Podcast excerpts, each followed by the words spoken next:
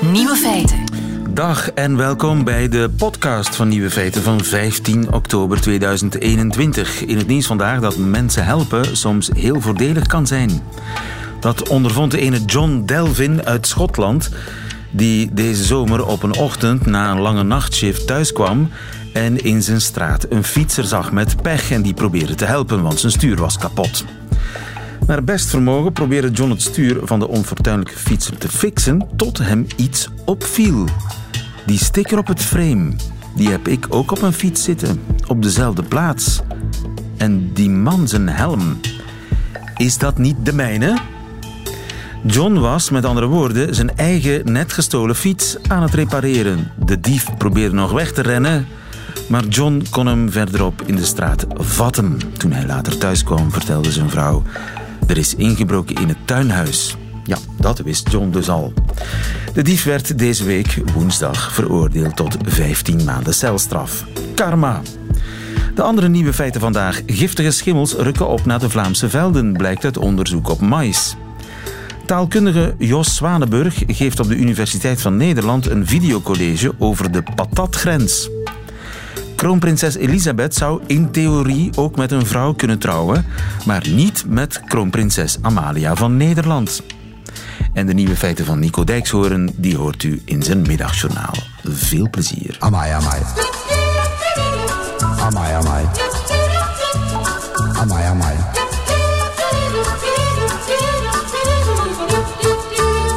Nieuwe feiten. Komt er eindelijk een einde aan de patatfrietoorlog in Nederland, nu taalonderzoeker Jos Zwanenberg er een college over gegeven heeft op de Universiteit van Nederland. Is het nou friet of patat? Dit is de Universiteit van Nederland. Het is een vraagstuk dat in het gesprek op menig feestje is besproken en waar misschien zelfs wel vriendschappen door gestrand zijn. Is het nou friet of patat? Jos Zwanenburg maakt een einde aan de scholastieke tweestrijd die al jaren woedt in Nederland tussen kamp patat en kamp friet. Goedemiddag Jos. Ja, goedemiddag. Taal- en cultuuronderzoeker aan de Universiteit van eh, Tilburg. Het is een speelse discussie die toch met passie gevoerd wordt, hè? Ja, dat is het precies. Dat is goed gezegd. Ehm, het is inderdaad natuurlijk iets wat eh, aan zich helemaal niet belangrijk is. eh, maar waar eh, toch wel op speelse wijze heel serieus om gestreden wordt. En ik denk dat dat te maken heeft met identiteit. Aha. Het, het heeft te maken met wie je bent, of je nu patat zegt of friet. Ja. Ja, nou eigenlijk net even anders. Eh, omdat je dus iets anders zegt, eh, word je gezien als anders en vindt men dat je anders bent, omdat je anders spreekt. Ja, ja. Hè, dus het is meer van, eh, ja, jij bent niet van ons team, eh, dan dat het echt een gevoelde identiteit is. Ehm, eh, maar uiteindelijk komt het daar natuurlijk wel op neer. Hè? Eh, het is een strijd van Zuid tegen Noord. En eh, nou ja, de Zuiderlingen worden dan als anders beschouwd. En in dit geval omdat ze een ander woord gebruiken voor iets wat, wat heel vanzelfsprekend is voor de andere groep. En die patatgrens, waar ligt die ergens? Eh, die grens die ligt in het eh, gebied van de grote rivieren. Eh, dus het zijn met name de provincies Zeeland, Noord-Brabant en Nederlands-Limburg, eh, waar men friet zegt. En boven de grote rivieren, daar is het patat. Ja. Nu, in onze oren is dat raar, hè? Want patat, dat is gewoon een aardappel, geen friet. Exact. Ja, ja, dat is precies het punt. Hè? Dat is precies het punt. En, en, Dus dat is boven ook de rivieren vergissen ze zich. ja, dat zou ik kunnen zeggen. Ehm, maar eh, het is ook zo, zo geweest in Nederland. Eh, dus, dus in de 16e, 17e eeuw was patat ook het woord voor gewoon aardappel in het algemeen. Eh, maar dat woord is geheel vervangen in eh, noordelijk Nederland door een nieuw woord, aardappel. En eh, dat is algemeen in gebruik geraakt. En, en patat is eigenlijk eh, ja, verdrongen, maar daardoor wel beschikbaar in een andere heel specifieke betekenis. Eh, de friet. En het woord friet, waar komt dat eigenlijk vandaan? Ja, het is eigenlijk heel eenvoudig. Eh, ze zijn samen eh, patat friet. En dat is de oorspronkelijke vorm. Hè, en, en die eh, eh, woordvorm die betekent gefrituurde aardappel. Eh, dat is eigenlijk een perfecte omschrijving natuurlijk, patatfriet. Maar wel be- behoorlijk lang. Eh, en eh, de Noorderlingen hebben ervoor gekozen om hem anders af te korten dan de Zuiderlingen. Ja. Nu, ik zei het is een vergissing, want de Noorderlingen hebben patatfriet afgekort met patat, de Zuiderlingen met friet. Ja, natuurlijk omdat ze weten dat patat aardappel is. En dus de essentie van de benaming is dat het gefrituurd is. Vandaar friet. Dus het, is eigenlijk die, Ja. het woord patat voor friet is gebaseerd op een gebrek aan kennis van het Frans. ja, ja. Mijn Eh, theorie. nou ja, dat is een mooie theorie, hè? maar die klopt alleen als we dus ehm, die eeuwenlange taalontwikkeling eh, daarbij betrekken. Hè, dus als we weten dat het vroeger eh, zo was dat patat overal in het Nederlandse taalgebied voor aardappel in het algemeen werd gebruikt. En als mensen nu hedendaags taal gebruiken, dan staan ze daar uiteraard niet bij stil. Uiteraard niet, ja. Dus zonder die taalgeschiedenis mee te nemen, ja, is het eigenlijk gewoon allebei goed. Eh, het communiceert perfect.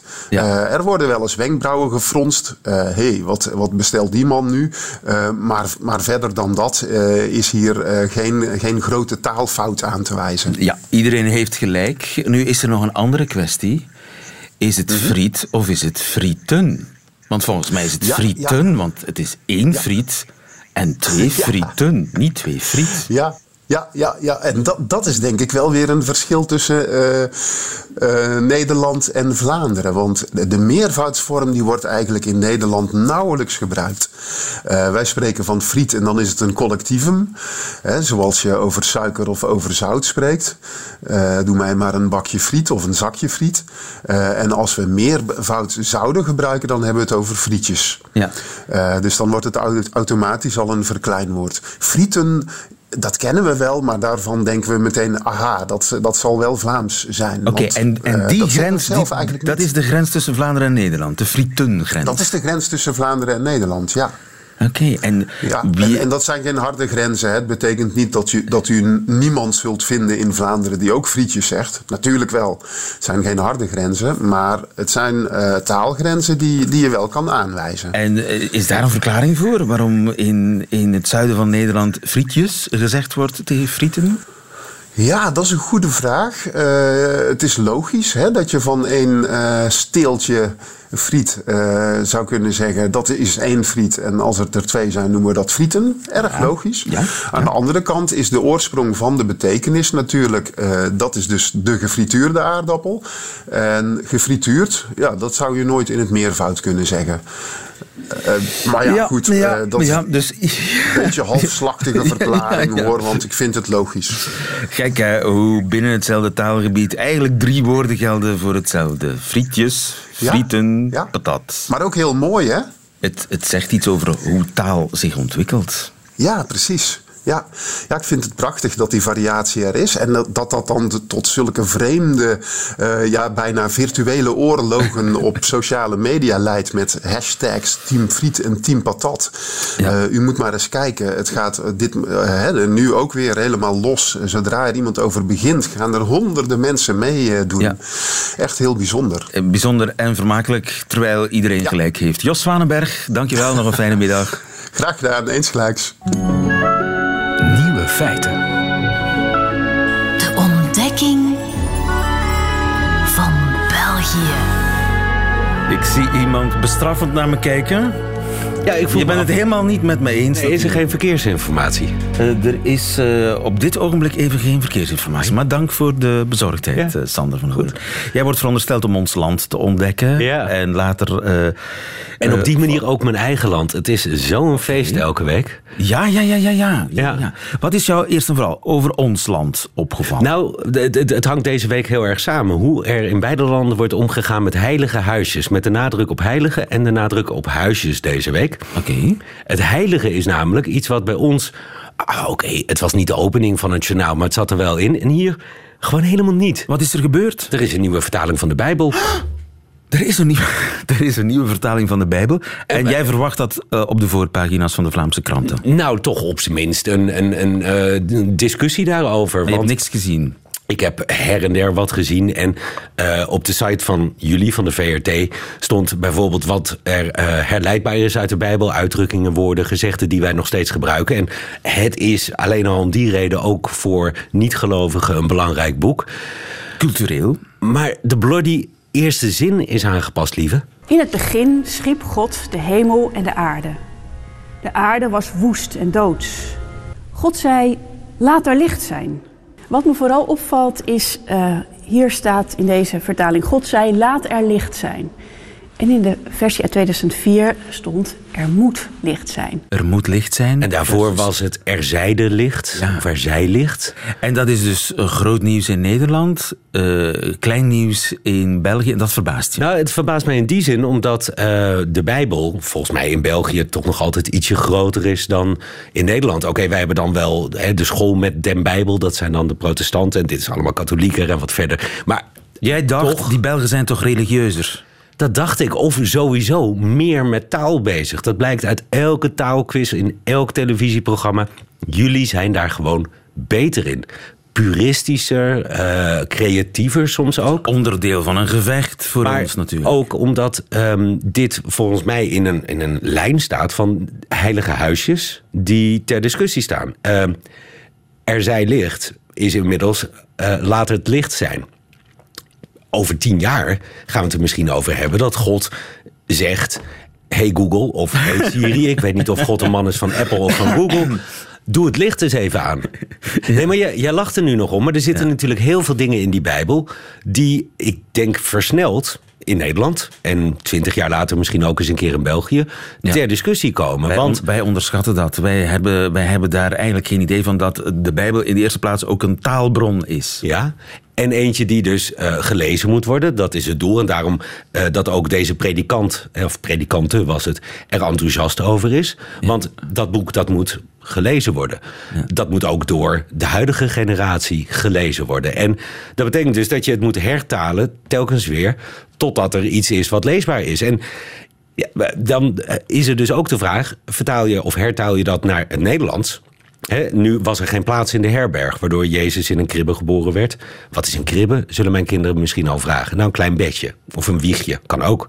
Of een maxicosi. En is de maar, kribbe in de Bijbel blijven staan? Dat is blijven staan, maar de, Bijbel die was, of de herberg die was dus vol. Of nee, er was geen plaats meer. Maar als hij vol was, waarom was hij dan niet volzet? Om maar eens een Vlaams woord te noemen, wat op dat moment ook gebruikt zou kunnen worden. Dus je zou zelfs als Vlaming kunnen zeggen: mag die officiële vertaling van de Bijbel misschien wat Vlaamser? Hoor ik helemaal niet. Nee. Maar er, er, zit nog iets anders in. Um, er zitten nogal wat, wat, wat dingen in waar nu al vreemd naar gekeken wordt. Ik bedoel, op het moment dat iets, een wezen, een vrouw dus, gecreëerd is uit mijn rib, kan het toch nooit gelijkwaardig zijn? Dus hoe lang voordat we daar dat zien als bron van de ongelijkheid tussen man en vrouw in de samenleving. En zeggen van ja, maar als je dat je kinderen al voorzet, moet je dat dan niet moderniseren? Op dezelfde manier als wij nu een discussie hebben over de gouden koets. Maar nog even iets anders, hè? want ik, ik had het hier gisteravond aan de eettafel eh, met mijn gezin over. Mijn dochter van 12 zei zonder blik of blozen en zonder ironie: Ja, waarom is het eigenlijk Adam en Eva? En niet Adam en Adam? Of Eva en Eva? Nou, even God bellen zou ik zeggen. Maar ja, wie heeft zijn telefoonnummer? Nou ja, precies. Maar dat, er gaat een moment komen dat ook dat soort dingen. Vergelijkbaar hier met, met de hele discussie over Leopold. Vergelijkbaar met ons met de hele koloniale discussie. Waardoor de koning nu eventjes niet in de gouden Zullen we de. Bijbel cancelen? Bereid je voor op het gesprek daarover. Maar een modernere variant, of een onschuldige variant, was daar opeens in- weer in Nederland. Ehm, en ik vraag me zo af hoe dat in België. Ja, het werd heel klein een beetje ook opgepakt. Maar opeens was daar de vraag: wat als Amalia niet heteroseksueel is? Ja, dat is mij ook opgevallen. Op een gegeven moment eh, hoorde ik eh, premier Rutte, ontslagnemend premier Rutte, antwoorden op de vraag... Mag kroonprinses Amalia met een vrouw trouwen? Ja, we gaan even uit van allerlei theoretische situaties, maar dan is dat mogelijk. Uh, dat is mogelijk en dat betekent dat ze haar functie behoudt? Ja. Uh, dus ze zou dan koningin mogen worden, blijven. We hebben dus twee koninginnen. Ja. En wat betekent dat voor haar kinderen? Ja, dat is iets ingewikkelder, omdat uh, daar het, uh, um, uh, de, de, grondwet en hoe het geregeld is in de grondwet met de erfopvolging ook weer wat kan schuren met het familierecht. Dus wat je eigenlijk het beste kunt doen is als het zover zou komen ooit, in de toestemmingswet dat heel precies regelen. Dat begrijp ik niet helemaal. Ik ook niet. nee, maar dit was ook. De, de, de, vragenlijn kwam van het jeugdjournaal. Want dit soort vragen, wat als, komt dus van kinderen.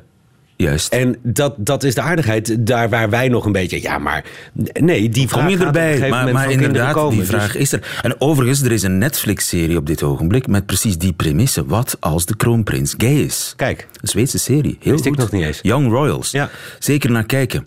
Ik, overigens, eh, en daardoor werd dat een kwestie. En dus in Nederland kan, kunnen er op een gegeven moment twee koninginnen zijn. En wat nou, zat ik me af te vragen, als Amalia en Elisabeth verliefd worden op elkaar?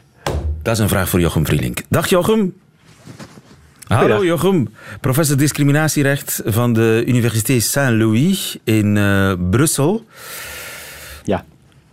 Eerst en vooral, wat als Elisabeth, onze kroonprinses, met een vrouw zou willen trouwen? Kan dat? In beginsel eh, kan dat, ja. Dus eh, sowieso misschien nog even als eh, achtergrond. Oorspronkelijk zei de Belgische grondwet dat vrouwen sowieso altijd uitgesloten waren van de troon. Sinds een, een aantal jaren, als ik me goed herinner, was dat in 1991 dat de grondwet op dat punt is gewijzigd. Zijn ook vrouwen toegelaten tot de troon, dus kunnen we officieel koninginnen hebben.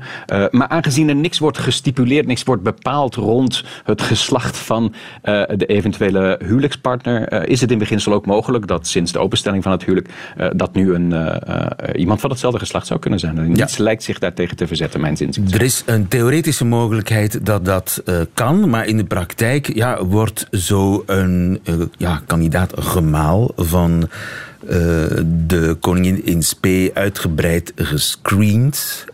En want niet iedereen komt daarvoor in aanmerking, hè, denk ik. ik. Wij twee of wij drieën, wij zijn, we zijn al enigszins kansloos, nee? Goh, dat is niet, eh, niet a priori uitgesloten, eh, toch niet volgens de, niet volgens de, de grondwet.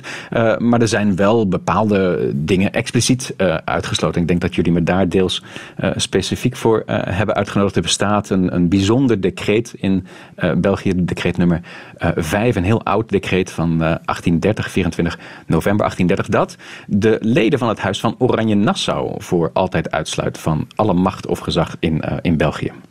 Wacht eens even. Want ik, ik, jij zegt mij nu dat eigenlijk eh, Elisabeth met, zelfs met mij zou kunnen trouwen, volgens de grondwet. Zelfs met mij dus? Nee. Jawel, want ik ben geen lid van het Huis Oh, ja, van ja, ja. Oranje Nassau. Ja, ja, ja, juist, ja. Maar dus niet met Amalia. Niet met Amalia. Inderdaad. Niet met Amalia. Nee. Nee, nee dat, is, eh, dat moet je natuurlijk zien in de, in de tijd. eh, met de, de, de spanningen die natuurlijk eh, bestonden tussen het recent afgescheurde België en, eh, en Nederland.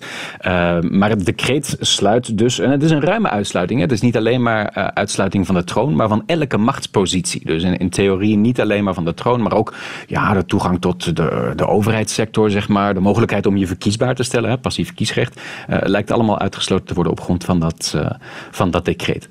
Is wel wat discussie rond. eh, ja, er is een discussie tussen juristen over of dat nu louter een politieke verklaring was van, dat, eh, van die volksraad, hè, dat nationale congres. Of dat het echt een regel is met rechtswaarde. Maar persoonlijk denk ik ja, dat je eigenlijk moeilijk kan concluderen dat het geen eh, regel is, of minstens niet bedoeld is als een, eh, als een dergelijke regel. En daar komt dan nog bij dat als je daarvan uitgaat, als je daarvan uitgaat dat het een regel is, dat het direct ook een, eh, een regel is met grondwettelijke status. Hè. Dus het is eigenlijk een soort van ja, bijlage bij de grondwet, om het, om het zo te zien. Wat meteen ook betekent dat als je het wil wijzigen, dat je twee keer twee derde meerderheid nodig hebt. Hè. Dus heel makkelijk. heel makkelijk, Heel makkelijk te wijzigen zal het niet zijn. In ieder geval, de angst zat er toen eh, goed in dat eh, het Huis van Oranje toch weer zou proberen de Belgische troon eh, te gaan bezetten. Dat moest aan alle prijzen worden eh, vermeden. Dus we hebben een probleem. Mocht Elisabeth en Amalia, mochten zij verliefd worden op elkaar, dat is eh, voor alle duidelijkheid een theoretische mogelijkheid. Het zou een prachtige tv-serie kunnen opleveren. Zeker. Just saying. Ja. Eh, en hoe zit het met de erfopvolging in dat geval? Stel dat Elisabeth met een dame huwt en dat we dan op een gegeven moment twee koninginnen hebben. Uh, wel, de erfopvolging, het lastige van de erfopvolging is dat uh, vereist is dat het uh, minstens om natuurlijke en wettige nakomelingschap moet gaan van, ja, de, de, de, de van Saxe-Coburgs. ja, ja, dus dat is eigenlijk een, een, element dat nog steeds. Dat staat letterlijk in de Belgische wet. In het, letterlijk in de, in de grondwet. In de grondwet. Dus, um, kunstmatige dus inseminatie? Adoptie. Adoptie? Nou ja, dat, dat is misschien. Adoptie is, is in elk geval uitgesloten. Dus dat, uh, daar kunnen we het denk ik over eens zijn. Wat natuurlijk ook meteen een vorm van, van discriminatie is. Daar is ook al wat rond uh, te doen geweest. Uh, er zijn wel mensen die dat eigenlijk gewijzigd willen zien. Dat lijkt me ook in de reden te liggen. Er is niet echt een reden waarom dat alleen maar natuurlijke nakomen. Ja, traditioneel natuurlijk wel. Maar in de hedendaagse samenleving zie ik niet meteen waarom dat natuurlijke nakomelingen zouden moeten zijn. Dus dat lijkt me een, een discriminatie op grond van afkomst. Ja. Um, dus ja. In Nederland is dat, uh, zeg ik, een beetje op gezag van onze premier Rutte, die uh, daar ook een antwoord op gaf. Hij zegt: het moet voortkomen uit het huwelijk. Dus dat is dan, als ik het zo beluister, ietsje ruimer geformuleerd. Want als je dat maar juridisch van tevoren regelt in de goedkeuringswet suggereerde hij, dan kan je dus ook adopteren bijvoorbeeld. Ja, maar goed, laten we niet op de zaken vooruitlopen.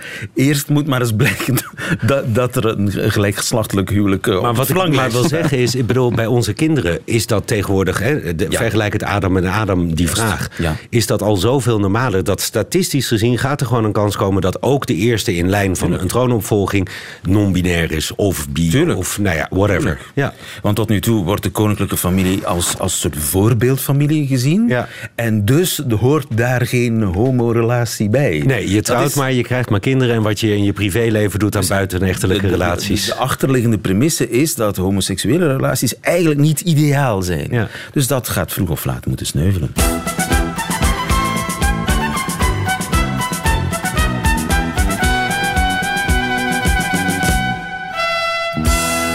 Examen Vlaams. Hoe laat begint de voormiddag? Uh, de voormiddag begint volgens mij na 9 uur s morgens. Oké, okay. alright. Want heel veel Nederlanders denken dat de voormiddag de vroege middag is. Hè? Ja, ja. Dat nee, maar, inmiddels al geleerd. Probeer, ja, probeer hier een afspraak te maken, dan kun je maar beter dat uh, gebruiken. Ja. Heel goed, heel goed. Wat is een stoever? Oeh, die ben ik wel tegengekomen. Context? Geen snoever natuurlijk, maar een stoever is een snoever. Ah, kijk, ja, precies. Van het, woord, het werkwoord stoeven. Ja, wij kennen alleen maar ja, een snoever en opschepper. Ja. Appelblauw zeegroen. Grappig. Geen flauw idee. Geen flauw idee wat appelblauw zeegroen is? Nee, nee. Appelblauwe zeegroen, dat is... Um... Nee, ik zou het niet eens weten. Nee. Ik, zou niet, ik moet zoeken naar een ander woord voor appelblauw zeegroen. Het zou turquoise kunnen zijn. Ah, oké. Het is een soort tussen, ja, appel, letterlijk appel. Maar je kunt dus beide gebruiken, appelblauw of zeegroen? Of het is, één lang woord, appelblauw zeegroen. Dat is een kleur. Wat handig. Ja, turquoise, een soort blauw-groen. Zeg nee, ja, turquoise. Ja, juist. Ja, oké. Pullover. Een pullover? Ja. Ja, dat is een trui. Oké. Ja, twee goed. Dat is nog nooit eerder voorgekomen. Twee goed, drie goed. Twee goed. Uh, drie goed, inderdaad. Drie goed, drie, op de vier. Ja. ik ging je nog onrecht aan. Ik ging dus nog... we slaan hem volgende week over? Uh, ja, daar moet ik nog eens eh, over nadenken. Tot volgende week, Sander. Radio 1. Nieuwe feiten. Groeit er een soort van gifbom op onze Vlaamse velden? Goedemiddag, Jonas. Goedemiddag, dag lieve. Jonas van Dieke, en gefeliciteerd, want je bent tweede geworden bij de PhD Cup begin deze week. Een wedstrijd voor uh, mensen die een doctoraat geschreven hebben. Een wedstrijd om ter best uw doctoraat te uitleggen. Ja. Jij uh, hebt je doctoraat gemaakt over schimmels. Ja, klopt. En meer specifiek over uh, mycotoxines. Dat zijn giftige stoffen die bepaalde schimmels kunnen aanmaken.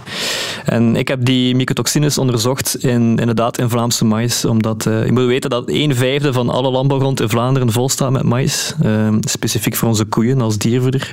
Dus dat is een heel belangrijk landbouwgewas hier bij ons. En zitten daar giftige stoffen op?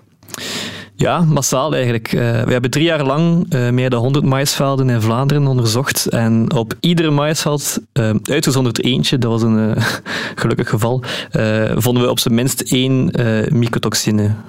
En die worden dan gewoon door onze koeien opgepeuzeld? Ja, nu, koeien hebben wel een vrij stevig uh, spijsverteringsstelsel. Uh, je weet dat die een, ja, dat zijn herkauwers, dus die hebben ook bepaalde bacteriën in een, uh, in een pen zitten. En die bacteriën kunnen een deel van die mycotoxines uh, onschadelijk maken.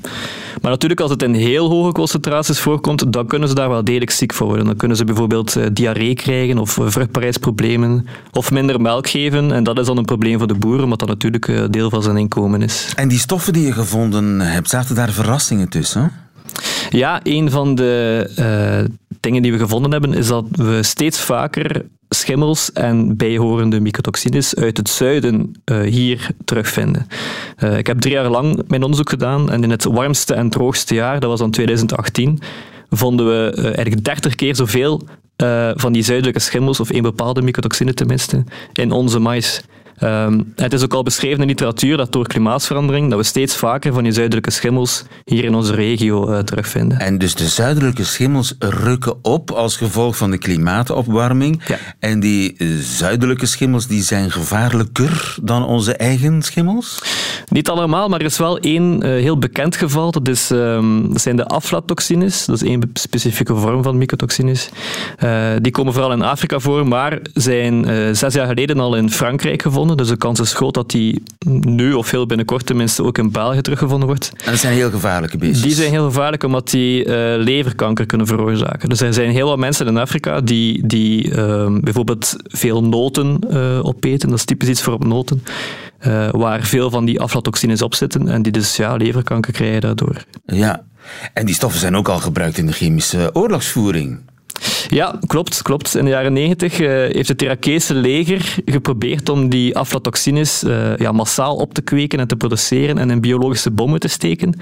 Uh, dat kreeg dan de heel poëtische naam cancer bombs. Nu, ik weet niet of dat ze dat echt gebruikt hebben, want een... Um, ja, een, een oorlogswapen dat kanker veroorzaakt, is natuurlijk niet zo acuut en is misschien niet zo heel handig in, ja. in de doordeweekse oorlogsvoering. Maar, goed, maar het is wel ooit geprobeerd geweest. Zou je ja. kunnen zeggen dat er een kankerbom onderweg is naar onze velden? Uh, ja, zou dat kunnen zeggen, ja. Uh, ja. Het is natuurlijk niet per se zo, zo dramatisch, maar uh, die schimmel is inderdaad wel op weg naar onze regio, dat klopt. Dus je hebt die hele gevaarlijke stoffen waar in Irak ooit chemische wapens van zijn gemaakt, nog niet aangetroffen? Nee, nog niet. Maar dat is een kwestie van tijd? Hoogstwaarschijnlijk, ja. Want we krijgen steeds meer signalen en, en, en literatuur die stelt dat die schimmel effectief uh, naar het noorden aan het migreren is. Dus de kans is heel groot dat die uh, ja, binnenkort ook in onze mais en in onze andere gewassen, want dat komt niet alleen in mais voor. Ja. Um, want, uh, dat die koeien hebben vier magen, maar ik, ik, eet, eet, ik eet geen mais, of weinig mais, in elk geval minder dan de gemiddelde koe. Maar ik eet natuurlijk wel noten en appeltjes en zo van die dingen, waar precies diezelfde stoffen wellicht op te vinden zijn. Ja, klopt. Um, op uh, granen bijvoorbeeld komt die ook voor. Um, nu, gelukkig gebeuren er wel controles op uh, een aantal mycotoxines, waaronder die heel gevaarlijke, die aflatoxines.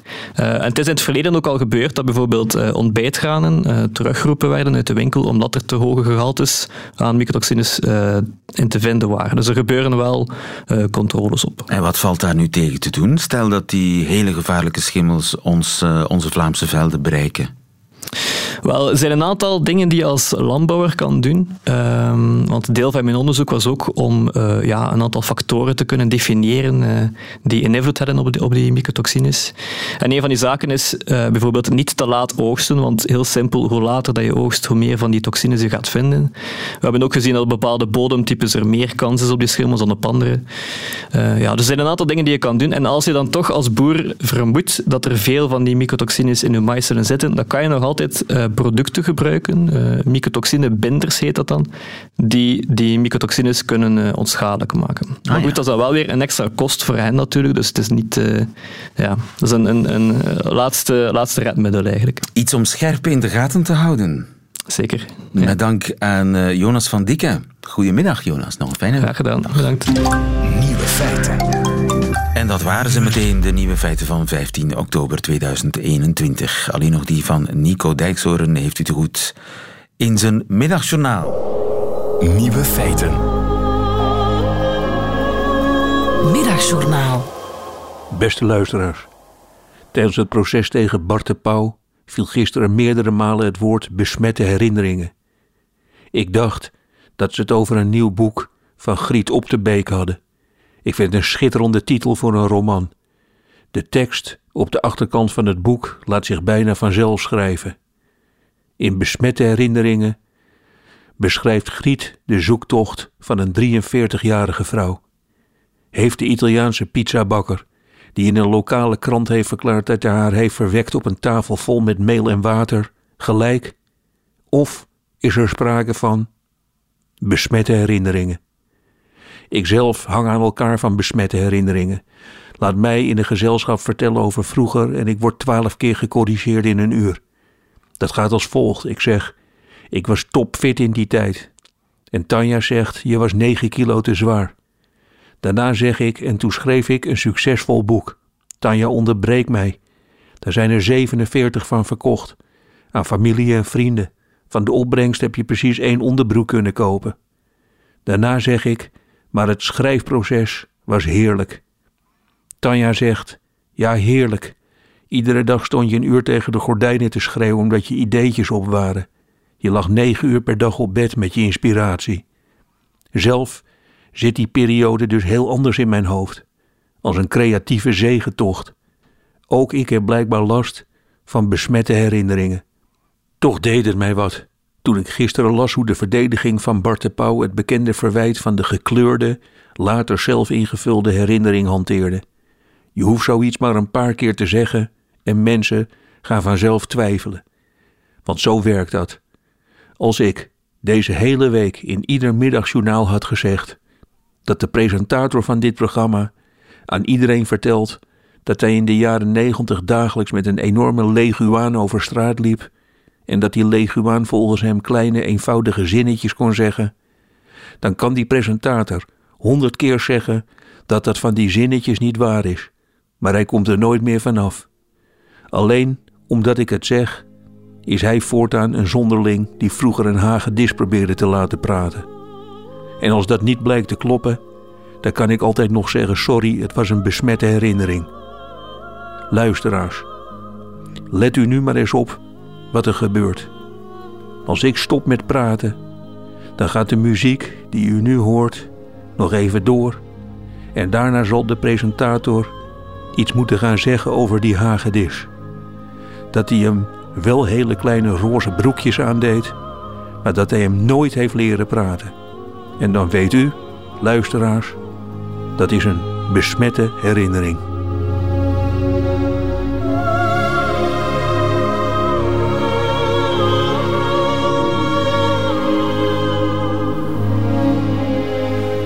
Het was overigens een zwaan. Maar ik kan van alles beweren, want Nico kan niks meer terugzeggen. Einde van deze podcast hoort u liever de volledige Nieuwe Feiten uitzending. Dat kan natuurlijk live elke werkdag tussen 12 en 1. Of in uitgesteld relais op de website van Radio 1 of via de app van Radio 1.